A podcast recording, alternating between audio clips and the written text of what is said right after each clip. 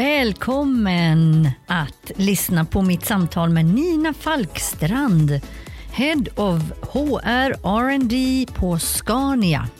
En härlig kvinna. Hon har varit 21 år på Scania och har otroligt mycket intressanta inputs om hur det har gått under hela den här tiden, vad som har hänt. Hon har haft många olika roller hur de eh, är väldigt noggranna och lyssnar på de här unga och, och, kvinnliga medarbetarna som ska in eftersom det är en manlig miljö som faktiskt Scania är. Vi har pratat om eh, ledarskapet och även hennes resa inom scouterna och hur hon ser det som en väldigt viktig och stark ledarskapsskola, bland annat. Så det och mycket mer kommer du att få höra om du lyssnar på det här avsnittet och jag hoppas verkligen att du kommer tycka att hon är lika spännande som jag. Så luta dig tillbaka och eh, njut. Välkommen hit Nina Falkstrand, Head of HR R&D på Scania. Tack Sanna, vad härligt att få vara här med dig idag. Ja, jag tycker det är ännu roligare. Du har ju faktiskt varit 21 år på Scania och gjort så många otroligt roliga saker uppenbarligen, för du är ju kvar så här länge och du trivs ju. Så det kommer vi prata ganska mycket om idag också. Gärna det. Men även era utmaningar och, och hur ni tar er an dem vad det gäller kanske både unga och tjejer in i den här lite manliga miljön. Känns Jajamän. det okej? Okay? Låter toppen. Ja. Det blir jättebra. Du Nina, kan inte du bara kort ta oss igenom din, din resa då på ska, alltså lite grann vad, vad du har gjort. Lite, lite, lite ja, inte kort men, men ja. lite. Absolut. Tack. Absolut. Eh, ja, jag är ju faktiskt född och uppvuxen i Södertälje. Vilket innebär att när man är 16 år så vet man bara två saker med säkerhet. Man ska aldrig jobba på Astra eller Scania och man ska aldrig bo kvar i Södertälje. Och det tror jag att de flesta kan känna igen sig i, att man har en väldigt förutfattad mening kanske i sina yngre år. Men nu då, så här ungefär 30 år senare, så kan jag ju säga att det är höjden av lycka att bo i Södertälje och att jobba på Scania.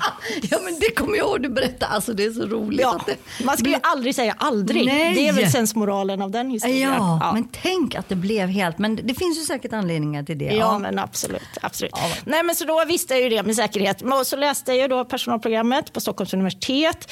Började faktiskt inte direkt på Scania utan jobbade på två andra ställen. Men sen så tänker jag att det där med employer branding, Scania hade ändå profilerat sig mycket mot oss så mycket på, på gymnasiet i Södertälje. Jag kommer ihåg 100-årsjubileet bjöd de in alla studenter på alla gymnasier i Södertälje. Och jag tror att det påverkade mig på något ja. sätt. Så då dök det upp en tjänst som då, personalman hette det här på den här tiden. Att eh, börja jobba på Scania som personalman på, på marknadsavdelningen. Så då provade jag och sökte. Tänk att de var redan så framme där och gick ut på skolorna. Ja. Och det, för det var ganska det kom ändå ganska sent vad jag förstår, ja, ja. att man började göra det mer och mer. Men då var de ju väldigt tidiga. Ja, ja det här var ju då, avslöja lite hur gammal jag är. Det här var ju 1991 som Scania firade 100 år. Eh, och redan då Va? höll man på och liksom bjöd in skolelever och så. Ja. Nej, men det är jätteroligt och sånt som jag kan då inte reflektera överhuvudtaget. Men som jag tror uppenbarligen har påverkat mig sen. Så att eh, det här med arbetet med employer branding måste man ju verkligen tänka ganska långsiktigt egentligen. Absolut, och jag antar att det är mycket det som också ingår i din din roll som head of Ja men absolut, jag tycker att alla vi som jobbar inom HR har en väldigt viktig roll i det. Att vi är ute och säljer vårt företag och våra värderingar och vad vi står för egentligen hela tiden. Det är ju det vi liksom, i intervjusituationer eller när vi är ute och pratar med folk eller som jag sitter här nu. Då säljer jag Scania till alla de som lyssnar och berättar. Ja, det får vi hoppas efteråt. Ja det får, det får, vi väl se då. Men förhoppningen är ju att, att man får en bra bild av vårt företag. Klart. Så att det är väldigt viktigt. Och av dig också. Ja. Vi vill ju lära känna dig ja, också. Precis, precis. Men du, vad är det då om vi skulle gå in, för det som också den här podden går ut på, det är ju lite grann de här utmaningarna som det kan finnas eh, i den här lite mansdominerade miljön eller bolagen, för det måste vi ändå erkänna. Det ja, är ju Ja, Scania. Ja. ja, men det är ju mansdominerat. Nu har jag inte de allra senaste siffrorna, men någonstans 70 procent män och 30 procent kvinnor ja. om vi tittar på en ja. lite liksom, aggregerad nivå. Ja, men så visst är det så. Och det som jag kan tänka apropå att jag varit så länge är ju att när jag kom in då för 20 plus år sedan, så då var det egentligen inte någon fråga som man diskuterade. Inte heller från ett HR-perspektiv. Då fanns ju inte egentligen mångfald och inkludering och de, de frågorna fanns ju inte på agendan i företagen men heller inte egentligen kanske på samma sätt i, i samhället. Nej. Så det kan jag tycka att jag har känt och sett en väldigt, väldigt stor förändring både i vårt företag men sen kan man märka också ute i, i samhället och överhuvudtaget hur den frågan både kring liksom, könsaspekten och etnisk bakgrund, allt det där ja, har ju blivit otroligt fokuserat på på väldigt bra sätt uppmärksammat. Så nu känns ju den frågan superangelägen och ingenting som någon kan nonchalera. Det fattar vi alla att vi kommer aldrig kunna rekrytera folk om vi begränsar oss i både kön och bakgrund och etnicitet och vad Nej. det nu kan vara. Och plus också att eh, som vi brukar också nämna ibland när jag pratar med många här att det handlar ju också om att eh, spegla verkligheten. Mm. Och det gör vi ju inhouse om vi har speglingen här inne. Jajamän. Alltså etnicitet mm. eller kön mm. eller bakgrund. Mm. För det speglar ju faktiskt behov, alla som har behovet där ja, ute. Exakt. exakt. Och för oss så, vi har ju 98 procent, nu kommer jag inte ihåg siffran heller, men ungefär 98 procent av alla våra produkter går ju på export. Så Sverige är ju en jätteliten marknad för oss egentligen. Och det är klart att vi behöver ju spegla och förstå vår kundbas. Det om inte annat är ju en ja. anledning till att jobba med mångfaldsfrågan. Ja, ja, ja, ja. Men du, skulle du säga att det här kan vara min fördom nu, mm. men jag säger det. Jajamän. Skulle du säga att Scania är som en stor Viking Line, du vet som är jättesvår eller väldigt tung att vända och ja men du vet eh, nu vad det gäller alla de här bitarna som ändå är så aktuella och viktiga. För att det, det måste sitta ganska mycket Um, nu tappar jag ordet, uh, inte i väggarna, jag menar ju i väggarna, men, ja. men uh, i kultur och, ja. och, allt sånt där som man ska försöka kanske ändra om. Mm. Precis som du sa i början här, att man tänkte inte så mycket nej, på det då. Nej. Och ni har så otroligt många som har jobbat i ja. över 20 år. Hur gör man det? Ja, det är ju den där supertanker-metaforen versus ja. speedboat. Så ja, men det är klart att, att den känner vi igen oss i och vi är ju en global organisation med 50 000 plus antal medarbetare så det är klart att man vänder ju inte någonting i en kappvändning. Sen kan jag ju tycka att vi har en fördel i att våra värderingar är så himla väl satta. Det är ju en del av att liksom vi har jobbat så mycket med lean och, och hela den biten som Scania är väldigt välkänt för. Och en av kärnvärdena respekt för individen, den funkar ju i de här sammanhangen också. Ja. Den är ju väldigt stark och går att använda för oss som HR, men såklart också liksom kring frågan om mångfald och inkludering. Så det är ju väldigt skönt. Den finns ju alltid som ett fundament att, att luta ja, sig mot och så. Ja. Men absolut, det är ju en utmaning för oss som företag och många med oss tror jag av de stora absolut. gamla industriföretagen. Ja. Hur ska vi kunna anpassa oss, jobba mer agilt och, och liksom, allt går ju mycket, mycket fortare. Det kan jag också reflektera över de här 20 åren. Allting ska gå fortare. Rekryteringsprocesserna, förhandlingsprocesserna, omorganisationer. Det är ju ett helt annat tempo än vad det var för 20 år sedan ja. när jag började. Ja, och då gäller det ju ändå att medarbetarna som är i bolaget mm. hänger med. Mm. Och det tror jag alla vi behöver ju hela tiden tänka ja, på. Ja.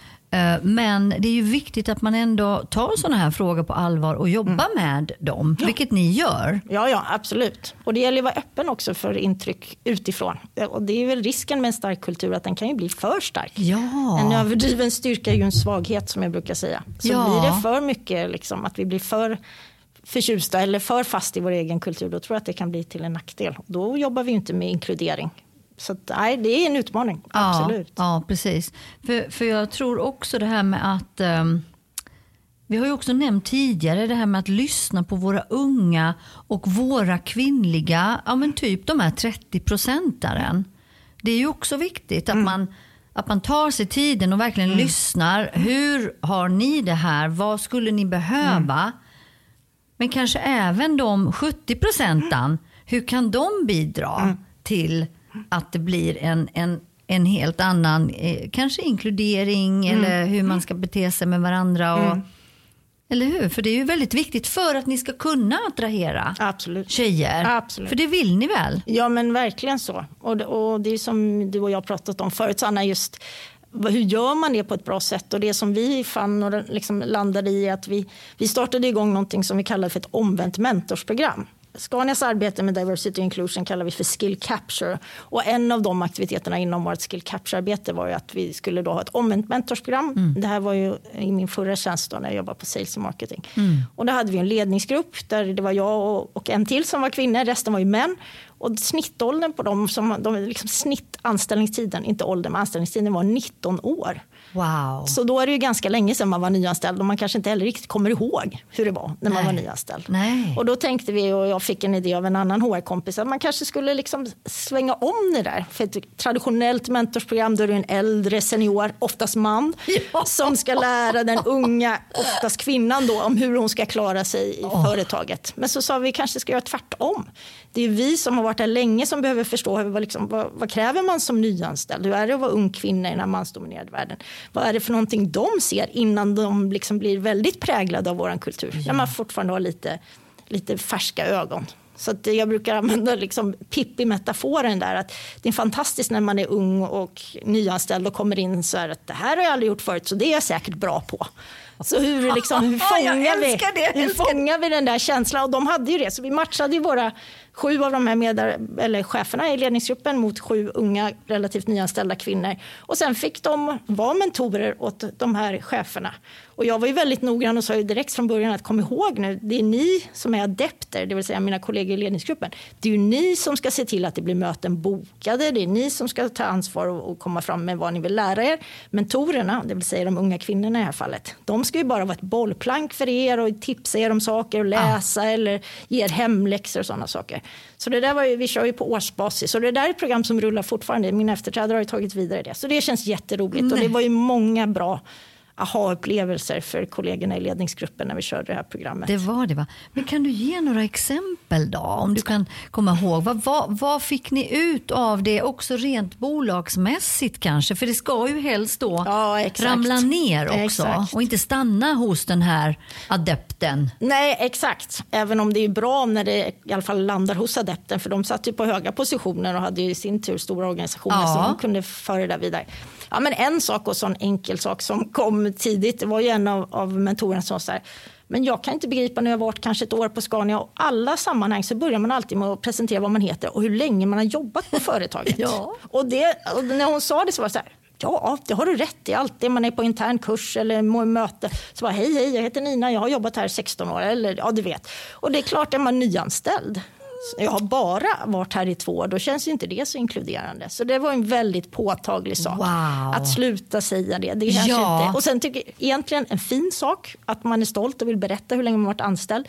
Men det blir också lite exkluderande. Faktiskt, och särskilt om det blir lite prestige i mm. det också. Jag har minsann varit här och ja, men lite sådär. Exakt. Men gud, du ser, och det kan vara sådana där små saker ja. som ändå gör det, det, lilla som gör det stora ja. skillnaden. Ja att vi, vi behöver inte säga det, Nej. för det är inte relevant. Det är ju faktiskt vad vi alla bidrar ja. till här då vi är här. Exakt, exakt. En annan sån sak, du vet man blir ju, och jag då också som har varit många år, blir så färgad. Då har vi mycket som inte står skrivet någonstans men som är praxis och som du nämnde sitter i väggarna. Bland annat det här att man inte ska ägna sig åt internal headhunting. Så att om jag är rekryterande chef och så vet jag att det finns en duktig medarbetare på en annan avdelning och så, och så liksom lägga ut min annons, för det är vi i alla fall bra på, lägga ut annonser på tjänsterna. Men då får inte jag gå och tipsa den här medarbetaren på gruppen bredvid om att jag har en vakans, utan då ska jag egentligen prata med dennes chef. Och då sa den här mentorn, hon bara, men men varför det? Jag vill ju ta ansvar för min egen utveckling.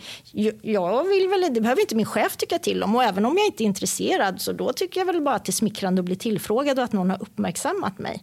Så vi har ju mycket sådana här gamla ja, praxis egentligen som sitter lite i väggarna och så som vi ska göra. Sen ska ju chefen såklart någonstans i processen vara involverad. Absolut. Men att man inte får approach, eller vad ska man, komma, ja, approacha. Till, ja. approacha medarbetarna. Tänk om man har en dålig chef eller tänk om man är så bra så att en chef är rädd att bli av med en. Då kommer de ju aldrig att föra det budskapet vidare. Klart. Och det är väl, jag tror att det är så viktigt att man vågar låta, man vågar se helheten hellre än mm. mitt eget. Ja. För, för helheten blir ju gynnad om ja, Stina går från mig ja. till Ja, men någon annan. Och jag skulle vara otroligt hedrad. Ja. Ska jag tala om för ja, dig. Om jag hade Stina här och uh, mina kollegor ville knipa henne ja. för hon var så bra. Ja, alltså vet du, jag hade velat att hon skulle vara kvar hos mig men vill hon själv och det blir en utveckling exakt. för henne och då kommer det gynna bolaget. Exakt. Nej, men du, det blir väl hatten av för mig då? Att ja, jag har lyckats exakt, att ta in att du har sån. lyckats få henne att växa och så vidare. Ja, nej, men och vi vill ju att medarbetarna ska ta ansvar för sin egen utveckling. Så det blir också lite kontraproduktivt att vi då säger att om vi kan inte fråga dig men du ska ta ansvar för din egen utveckling. Ja men du förstår. Nej men och mycket sådana bra saker som kom upp i de här diskussionerna. Jag tycker vi hade en väldigt modig mentor, hon som var mentor till högsta sales och marketingchefen på den tiden som nu tillika också är vår vd. Så Christian Levin heter han. Och Jenny som hon hette, jätteduktig tjej, så sa han till Christian så här, du sitter i företagsledningen och ni säger att det här med skill capture är jätteviktigt. Så att, eh, ja, nu får du en månad på dig. Här har du din hemläxa. Räkna hur många minuter som ni faktiskt pratar om skill capture i företagsledningen. Oh. Eftersom det sitter ju, liksom, det fanns i våra, då var det på den tiden 2020-målen, det var ett av top priority, ja men du vet, det lyftes upp överallt, det var så viktigt. Så han gjorde ju det och nu faktiskt ska jag erkänna att jag kommer inte ihåg exakta procenten. Nej. Men det var ju beklämmande lite ja. tid som man faktiskt pratade om det. Sen tycker ju alla att det är viktigt, men hur mycket ägnar man sig åt aktiviteter och funderar på att ta framåt. Så det vet jag blev en, en riktig ögonöppnare för Christian och var ju en sån jättesmart övning som hon kom på. Bra! Men du, kan inte du bara kort berätta lite mer om, vi hör ju på orden vad det innebär, mm. skill capture. Så hur, hur tänker ni på Scania kring det? vad, vad kan man då göra för att capture the skills. Exakt. Ja, precis. Vi, när vi började med arbetet där någonstans 2016, 2017 då då var det ju några andra kollegor kloka som sa att vi kanske behöver hitta något begrepp som gör att vi vidgar det här. Att det inte bara är kön eller etnicitet eller mångfald och inkludering. Ja. För även det finns det ju så mycket liksom redan satta tankar och föreställningar om och så. Ja. Så då, då kom man upp med det begreppet skill capture. Och det har ju, tycker jag, varit väldigt lyckosamt. Dels för att man avmystifierar och sen har vi kunnat fylla det själv. Ja. Vad innebär det för oss på Scania då? Och det är ju precis som du säger, Sand, det är ju det det betyder. Att vi ska fånga allas förmågor. Och då är det ju liksom mycket mer det, det vi ser såklart, kön och bakgrund och hudfärg, ja men du vet mm, vad det nu kan mm, vara. Mm. Men det är ju allt det där som vi inte ser också, erfarenheter, personlighet, det finns ju massor av saker som folk bär med sig som mm. man inte kan se när man läser CVt eller man bara tittar på någon. Och vi vill ju fånga allt det där, att man tar med sig sitt bästa liksom, till mm. jobbet och att vi får den mångfalden som vi behöver. Precis, men, men jag fick också, jag håller med dig, för jag tror att det är alltid bättre att man har en bredd i sina anställda mm. mer än ett, bara ett djup. Mm. Man behöver säkerligen ha djup på vissa delar, ja, självklart. Absolut. Absolut. Specialistroller och sådana ja. saker. Ja. Men överlag så tror jag mycket på den här bredden. Mm. Att ja, men till exempel på ett bolag som det här, Nexer, mm. som är ett techbolag, oftast unga, kanske många gånger män och så vidare. Jag är här av någon anledning och, och många, många tjejer är mm. här och alla åldrar. Och vet du vad det tillför fantastiskt ja. mycket för oss här, bara i kontoret, mm. när vi socialiserar tillsammans, mm. Mm. när vi byter, utbyter erfarenheter. Det är, alltså jag tycker det är helt fantastiskt att ja. jobba på ett sånt bolag ja. som som är, jag skulle tippa på nästan 50-50. Ja, alltså. ja, det är fantastiskt. Ja. Det är jätte, jätteroligt. Nej, men jag håller med. Det, man får in så himla mycket nya perspektiv. Sen ska man ju vara ärlig med, och det tror jag alla kan känna igen, att det, inledningsvis kan det också göra det lite mer besvärligt. För det är klart att liksom, lika barn leka bäst. Ja. Så vill man ha lite easy way out, ja, då rekryterar man någon som är lik en själv. Eller någon man känner igen sig i. Eller någon som har varit scout, som jag har brunnit mycket för. Det är ja. jag, toppen, toppen. Då vet jag vad de går för. Ja. Liksom så. Men det är ju en eh, sån basic fälla som man helt ska försöka undvika. Ja. För då får man ju ingen bredd. Nej, men jag upplever i alla fall, för vi rekryterar ju. Vi mm. är ju i rekryteringsbranschen. och... Uh, jag kan ärligt säga att jag tycker inte att man tänker så himla mycket längre på att det ska vara lika. För, för sju, åtta år sedan, mm. då kunde jag fortfarande uppleva det. Mm. När jag, och jag fick utmana bolagen ja. i hela kravspecen mm. och så mm. vidare. Vilket vi får göra idag också, kanske ja. med andra bitar. Och det gör vi, det måste vi göra för att det ska bli bra. Ja. Men, eh, men just det här att uh, idag så tror jag att man har en mycket, mycket större förståelse mm. och en uh, mycket större krav också på själva att mm. vi vill ha en diverse ja. uh, environment ja. i våra bolag just för att det speglar verkligen. Ja. Så jag tycker faktiskt det har blivit bättre. Ja, men det tror jag och det finns ju mycket forskning som visar på att det blir mer lönsamt och, och liksom, det finns mycket fakta att bygga under de påståendena Så att, ja, det är en väldigt liksom, bra resa vi har kommit på, både samhället och företagen. Verkligen, och tänk att vi också sitter här och poddar, mycket på grund ja. av, det är ju tragiskt ja. att vi ska behöva på grund av att vi är för få inom de här, eh, till och med ens mansdominerade ja. branscher. Men vi gör det och vi försöker lyfta det här. Ja, men, insikter ja. är, är väldigt viktigt. Men vet du vad vi också måste hinna med känner jag? Det är ju din ledarskapsskola som mm. du kallar det. Mm. Eh, och jag har faktiskt eh, pratat med en annan person som jag eh, har eh, poddat med som också var med i scouterna. Ja. Och, och även du. Så kan inte du ur ledarskapsperspektiv berätta din, dina tankar kring mm. varför är det en så bra ledarskapsskola skulle du säga? Ja, jag tror att det finns många delar i det, men det som, som jag tyckte var roligt med scouterna och jag började ju då relativt sent får man säga. Jag, var, jag tror jag gick i sexan. Mm. De flesta börjar ju när man är i lågstadiet och mm. så följer man hela vägen. Men det som jag tyckte var roligt är att man får ta ansvar själv ganska tidigt. Man jobbar ju i, liksom, i scouten kallar man ju patruller, på jobbet kallar vi för team och så har man en patrulledare fast på jobbet kallar vi teamledare. Och så får man ju då vara den som försöker liksom hjälpa till och, och stödja sina, sina scoutkompisar egentligen. Och så så för yeah. mig var det jätteroligt att tidigt börja få ta ansvar. Och scouterna, alltså, historiskt, de började ju 1907 så det är jätte, jättelänge sedan och då var en av principerna learning by doing. Så att man liksom tränar genom att göra saker, inte prata om dem utan man provar och när jag kom in i arbetslivet då för ja, ni vet, 25 år sedan, då var det väldigt inne ni vet, det med upplevelsebaserad inlärning. Man gick UGL-kurserna och det var ju mycket sånt. Och det var ju samma sak. Det var ju som liksom learning ja, by doing. upplevde. Ja, precis. Och nu då 25 år senare, nu är det väldigt det här med att det ska vara agilt, man ska experimentera, ja. korta processer, det ska vara iterativt. Och vad är det då? Jo, det är också oh. learning by doing. Så det är en pedagogik som har funnits i 120 ja. år och bara liksom man förfinar och kallar lite saker gärna på engelska. Ja, ja, Men det har ju funnits liksom i hela min uppväxt att, att det är så man ska ta in och lära sig saker. Så att jag tycker att det har ju varit också en fördel. Så dels tidigt få ta ansvar ledarskapsbitarna och också att man lär sig genom att prova på att göra på riktigt. Och sen är det fina med scouterna och det är jag säker på att din förra poddgäst också nämnde, men det fina är ju att det är väldigt inkluderande det är ju inte att man liksom tävlar, det är ju inte att någon åker ut, det är ingen elitsatsning. Nej. Så för, som ett alternativ för barn och ungdomar som inte vill gå den sportresan eller ja. ska säga, så är det ju väldigt fint. Så jag vet att scouten under många år hade lite som sån en tagline att scouten har ingen avbytarbänk. Nej. Och det är ju väldigt, väldigt fint tycker jag. Det är ju något som värmer hjärtat. Att all, alla får vara med och det finns en plats för alla. Så det tycker jag det är något som är viktigt att ha med sig också i, i arbetslivet. Det finns ju alltid, alla har styrkor inom något område. Klart, men känner du att du har också på riktigt konkret tagit med dig ditt ledarskap vidare in i den professionella världen utifrån eh, den här ledarskapsskolan?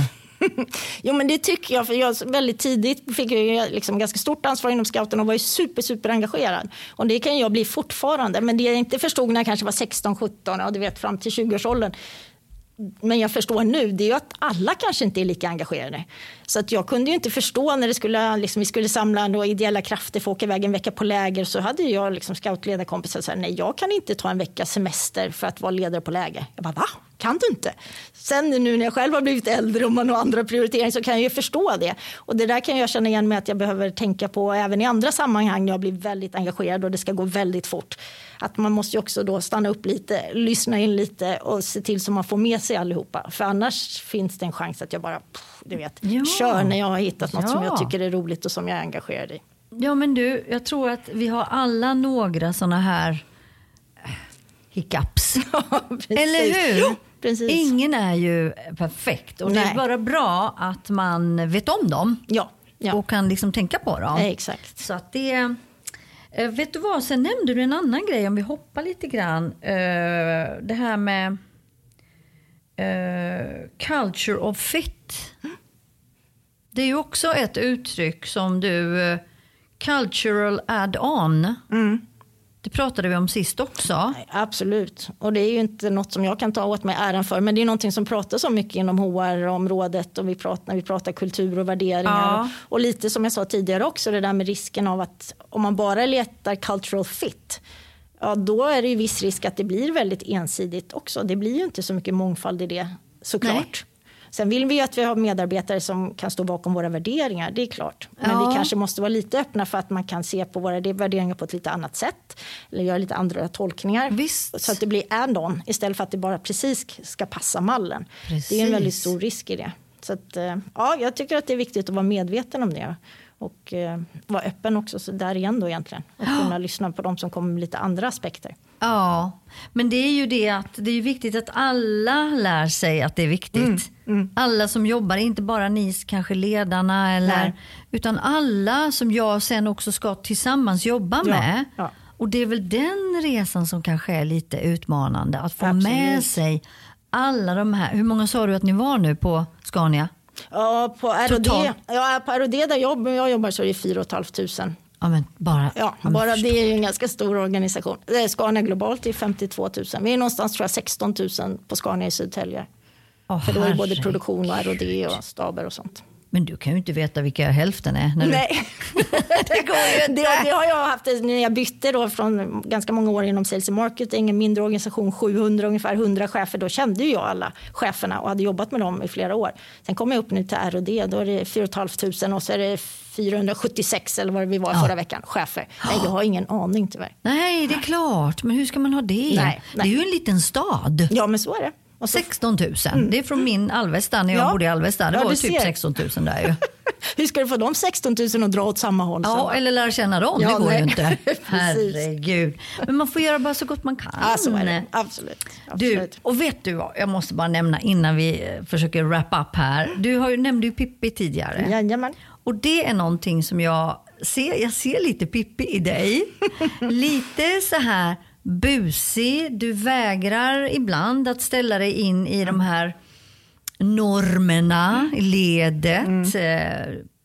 eh, och, och, och bland annat så gjorde ju du det en gång med de här kvällsaktiviteterna på konferenser. Ja. De är ju oftast lite grann, ja men berätta du, för det var, jag tyckte det var så roligt när du berättade och det är så typiskt dig. Ja, nej, men, och, och, och det speglar väl lite tiden också. Då. Men då, så förr i alla fall, då i början på min karriär på Scania, man åkte iväg på konferens och så skulle det vara kvällsaktivitet, man är på de här fina konferenserna. Alltså, jag brukar skoja om att jag har sett alla slott och herrgårdar i Sörmland. Ja, men det blir ju lite så, det är otroligt förmånligt, jag vill inte låta raljant. Men ofta så har man ju offsiter och sånt på sådana. Ja. Och när det är dags för kvällsaktivitet, ja då i alla fall som det var när jag började, då är det väldigt ofta att man ska basta. Då ska det bastas. Och det finns ju liksom numera så är det väldigt, något väldigt negativt kring det där med att prata bastuklubbar och sånt. Men det var kanske inte riktigt så i alla fall då. Och jag, men jag tyckte så här, men jag vill inte inte ha den kvällsaktiviteten. Dessutom älskar jag att basta. Jag är, upp, jag är uppväxt med att basta. Så jag såg ju alltid till att vara med och basta. Så, så jag, ja, jag bastar alltid. Men nu kan jag tycka, och det var väldigt roligt för den senaste liksom, offsiten vi hade, då har ju det där, också för att man har blivit så medveten och man vill vara så inkluderande, så då vågar ju inte ens någon föreslå att man ska basta. För, för att det är några kvinnor med och historiskt har kvinnorna oftast valt att inte basta och känt sig utanför. Så då var det ju jag som fick föreslå att vi skulle basta. Dessutom fick jag vara den som gick ner och tända elden och liksom, ja, som den scout jag är. Det är klart att det är jag som sköter elden om vi ska basta. Så att det har ju verkligen liksom tagit sig en rejäl vändning. Men för mig blev ju det ett sätt att också och lite utmana. Sen är det ju, var det ju normen att man bastade, men som kvinna inte då. Nej. Men för mig var det viktigt att jag vill inte bli exkluderad i något sammanhang. Så att, eh, Precis. Ja, nej, så för mig var det ett sätt att, att handskas med det. Men vet du vad jag tycker ändå, eh, vi kan ju raljera lite och skratta nu sådär, men tänk att våra beslut och val som vi gör med våra eh, medarbetare kring våra, medar- kring våra bolag, hur de faktiskt kan otroligt mycket påverka antingen åt det negativa hållet Ja. eller främja det som vi vill Ja. ska liksom främjas. Så det är ju otroligt viktigt att vi tänker igenom Ja. hur vill vi bete oss med, kring, eh, och det kan ju vara kunderna också. Det är ju inte Absolut. bara internt. Nej. Utan, så just det här att vi tar inte ett beslut om där, där någon ska behöva känna sig obekväm, Nej, kanske i en bastu. Ja. Och att vi gör inte en sån aktivitet. Nej. Sen Nej. kan man göra andra roliga aktiviteter. Absolut. Eller man i alla fall lyfter frågan och frågar. Det var, det var bara ett exempel Exakt, nu. Men, liksom, exakt, men jag håller med. Och ibland också att man behöver inte göra det större än att vi tänkte föreslå det här. Känns det okej med alla? Ja. Och gör man gör inte det, då hittar man på någonting annat. Ja men precis, precis. Ja, men du är så otroligt, ja men det är så häftigt. Men jag förstår att du har um, mycket att jobba med i Scania, men det är ju så kul. Ja, men det är ju en fantastisk tid om vi pratar lite om liksom, vår organisation. Apropå att vi behöver ju väldigt mycket specialister på Scania, speciellt på, på R&D eller Research and Development. Otroligt imponerande ingenjörer som kan allting om våra produkter och så. Men nu är det ju en väldigt spännande tid när vi går från väldigt 130 år av att lastbilar med, med dieselmotorer Ja. och nu är det ju ett otroligt skifte i tekniken mot att det ska vara mer elektrifierade fordon, självstyrande fordon och sådana saker. Så det, det är ju jätte, jättespännande tid, men också lite jobbig som det blir i alla paradigmskiften egentligen. Ja. Att man, att dels behöver vi nya kompetenser, vi behöver förstå de här nya områdena. Det ställer helt andra krav på, på ledningen och på medarbetarna. Och, och vi pratar ju väldigt mycket om att vi inte kan vara så isolerade, eller isolerade. vi kan inte göra så mycket allt själva som vi gjort förut. För mot liksom, de nya fordonen, ja, då är det infrastruktur, hur ska vi få grön el, få ladda alla dessa lastbilar. Det är saker som ligger helt utanför vår Ja. kontroll men som blir så himla viktigt för Ja. att få allting att fungera. Ja. Så att super, super spännande tid. Ja, det tror jag det. Du kommer ju vara kvar där tills du går i pension säkert. Det finns lite att göra i alla fall, så är det ju definitivt. Men du, om vi nu skulle bara liksom knyta ihop den här säcken. Vad är det då för bolag som tjejerna där ute som kanske lyssnar på dig nu. Vad är det för bolag och kontext som de skulle komma in i? Ja, precis. Om man kommer in i Scania nu och det som jag tycker har varit så framgångsrikt för oss under de senaste åren det är ju att vi är, så, liksom, vi är värderingsstyrt i våra kärnvärden men vi är också värderingsstyrda i vårt sustainability-arbete, hållbarhetsarbete om vi ska prata svenska. Och att vi har en väldigt, eh, liksom en väldigt stark purpose i liksom, driving the shift. Att vi vill vara med i den omställningen, vi vill inte vara en del av problemet utan en del av lösningen. Och det är otroligt starkt om vi är tillbaka någonstans där vi började prata om employer branding och så. Och det är ju någonting som vi ser attraherar väldigt mycket av talangerna ute på marknaden nu också. För att numera vill man ju styras av någonting annat Yes. än bara 8 till 5, liksom, åka till Södertälje och sitta och kadda om jag är lite raljant. Ja, ja, man vill faktiskt ha ett värde av varför gör jag det Ja, här? precis. varför är jag här? Så faktiskt, jag tror min dotter är ju 18 och vet du, alltså det är, hon tänker jättemycket så i nästan alla Ja, beslut ja. som hon, hon tar. Exakt så. Så det tycker jag är väldigt roligt att vi har det. Och, och det kan jag säga och med stolthet säga också att det är så väldigt väl integrerat i företaget. I att det här med att vara med i omställningen nu är det som är våra framtida syfte eller purpose som man pratar engelska. Då. Så det tycker jag och är roligt att kunna stå för och också berätta här att det är en viktig, viktig del av vår framtid. Och det finns väldigt många som vill vara med på det och bidra konstruktivt till den framtiden.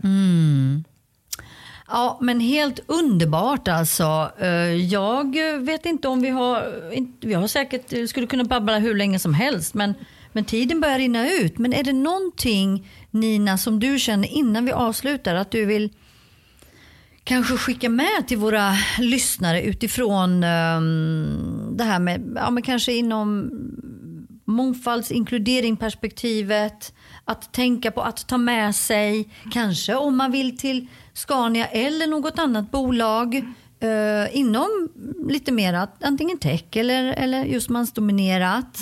Um, Ja, men jag tänker väl lite liksom att man ska bejaka den där inre Pippi oavsett hur gammal man Ja. är eller hur länge man har jobbat eller så.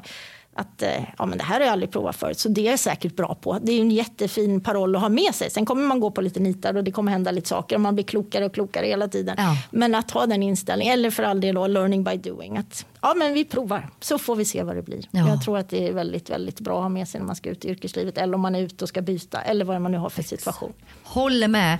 Alla älskar vi ju Pippi. Ja, så är det. Så är det. Så är det, och jag What's not älskar- to like som vi brukar säga. Ja, what's not to like? Alltså, jag tycker alla vi ska ha lite Pippi i Jajamän. oss. Precis. Ja, men helt fantastiskt att du kom hit och jag uppskattar så mycket att du ärligt, öppet och transparent eh, berättade lite om dig och, och din resa på Scania. Så tack så mycket. Tack Sanna, det var jätteroligt att vara här.